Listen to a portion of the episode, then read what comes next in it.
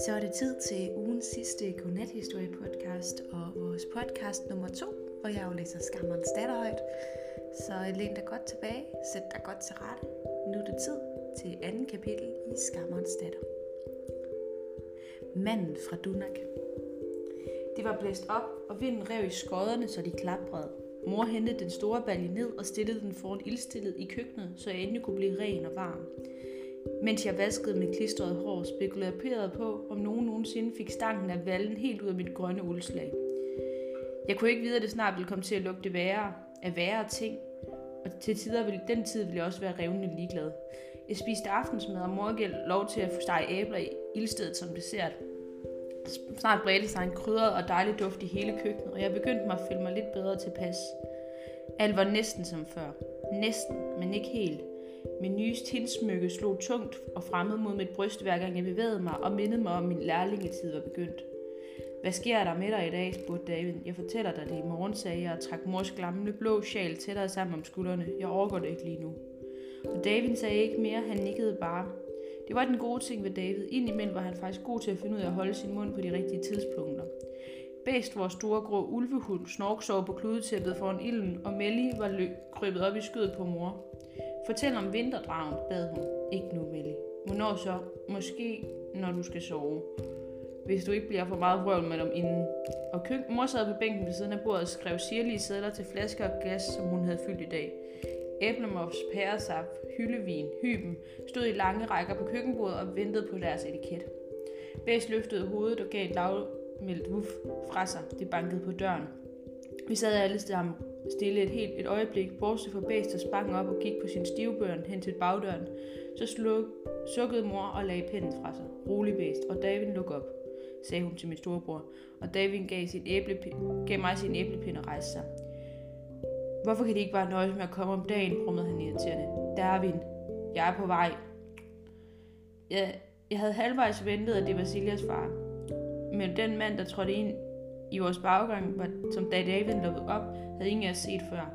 Det var der ikke noget nyt i. Der kom mange fremmede til min mor. Nogle gange kom de, fordi de skulle bruge en klog kone, som kendte urter og lægemidler til sind og krop. Andre gange, sjældnere heldigvis, var det en skammer, de kom for at hente. Fred i huset hilste manden og skævede til bæst. Der gik ham næsten til lid. Og fred med dig, svarede min mor. Kom ind i varmen. Han gør ikke noget. Tak, sagde han og tog hætten af. Men det haster. Hvis de ellers er Melusina Tornata.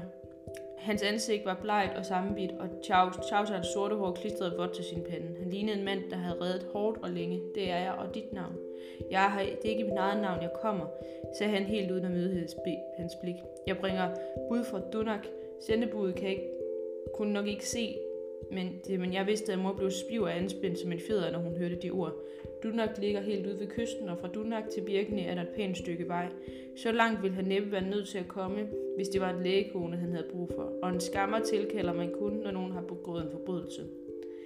Lad mig se, sagde hun. Manden for Dunak gjorde et aflangt ædertui fri af bæltet og rakte til min mor. Jeg kunne se byen Dunaks mærke og en ravn med en bølge under og et rødt laksejl, der holdt et etuiet lukket.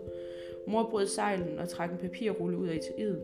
Hun glattede det ud og holdt det frem i lyset, så hun kunne læse det.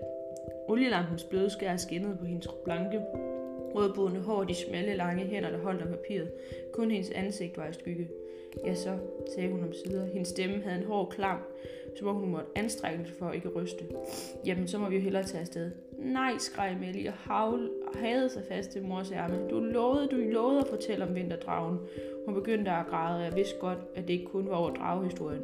Melly var bange, når hun skulle sove, og når mor ikke var der.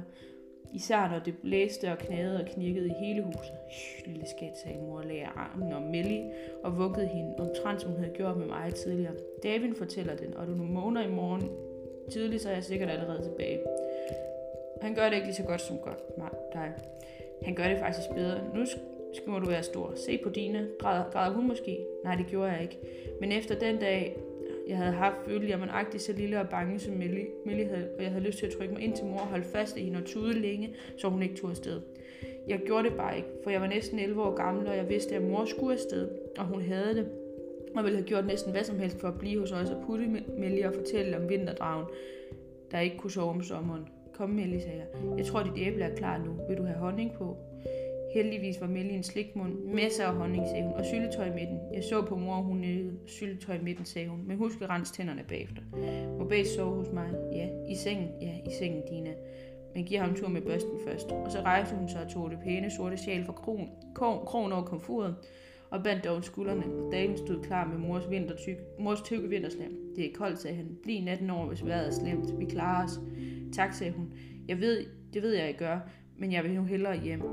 Jeg gav, hun gav ham et knus. Han var faktisk lige så høj som hende nu. Kunne jeg se samme rødbrune hår, slam, samme slanke skikkelse, smalle hænder og fødder, næsten feagtig slanke. Melle og jeg var firkantet og klodset i det, synes jeg. Mor kalder det robust, og jeg synes selv, og hun synes, at der var styrke og nærhed af jorden i os. Men jeg vil hellere ligne en skovfil, ligesom hende. Og hvem havde egentlig bestemt, at mit hår skulle være stort og stridt og landsløs som halen på en hest? Jeg ville, skulle jeg absolut... Når jeg nu absolut skulle arve hendes forbandede garn, hvorfor fulgte det andet så ikke meget med? Godnat, lille sagde, skat, sagde mor og kyssede Melly på kinden. Melly rakte en håndeklistret hånd op og tog mors hals. Hun var længere om at give slip, men selv Melly vidste godt, at det ikke nyttede noget at blive ved med at klage sig. Kom hjem med det samme, sagde hun med munden fuld af, munden fuld af honningæble. Lige så hurtigt du kan. Lige så hurtigt. Blisk Kiran, lovede mor og smilede. Godnat, Dine. Og hun gav mig et knus, og jeg mærkede, at hun rystede en lille bitte smule. Jeg så på papiret, som hun stadig holdt i hånden. Er det slemt, spurgte jeg, så lavmælte Melle ikke kunne høre det. Det ser slemt ud, men lad os nu se. Skal jeg tage med? Jeg mener, jeg er jo din lærling og alting. Hun rystede på hovedet. Nej, du har nok blevet nok for i dag. Og du skal ikke have lov til at starte med det, der minder om så noget så alvorligt som det her, sagde hun og kyssede mig på hånden, håret. Pas godt på hinanden. Bæs lovede og vinede og tikkede om at komme med ud, men hun tog ham og hagen og så ham ind i øjnene. Bliv her, kommanderede og pas på mine børn. Hvor store hun pep, og hanen holdt op med at love, og han slap, slap ned. Og hanen slap ned. Men han prøvede ikke at løbe med, da manden fra Dunner holdt døren for min mor og fulgte hende ud i regnen og aftenmørken.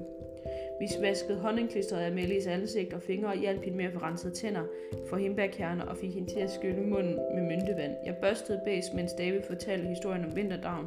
Da Melly faldt i søvn med bedst i fodenden af kogen, sad David og jeg længe op og snakkede, og det endte med, at jeg alligevel fortalte ham af Silja. Silja er en dum gås, sagde han. Hvis du ikke hvis du ikke fik hende til at skræmme sig lidt, hvis du fik hende til at skræmme sig lidt, så er det kun godt. Selv hendes syv brødre synes, hun kan være lidt for slem. Det meste af tiden var jeg glad for at have David som min storebror, når han altså ikke drillede mig eller hundesede med mig.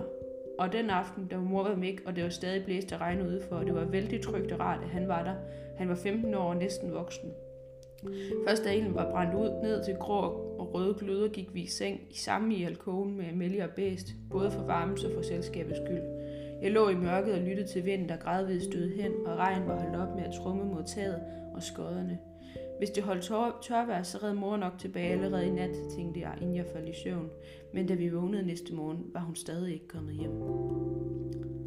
Det var dagens godnathistorie podcast. Nu håber jeg, at du vil sove rigtig dejligt i nat, og er klar til at lytte med på mandag til den næste episode.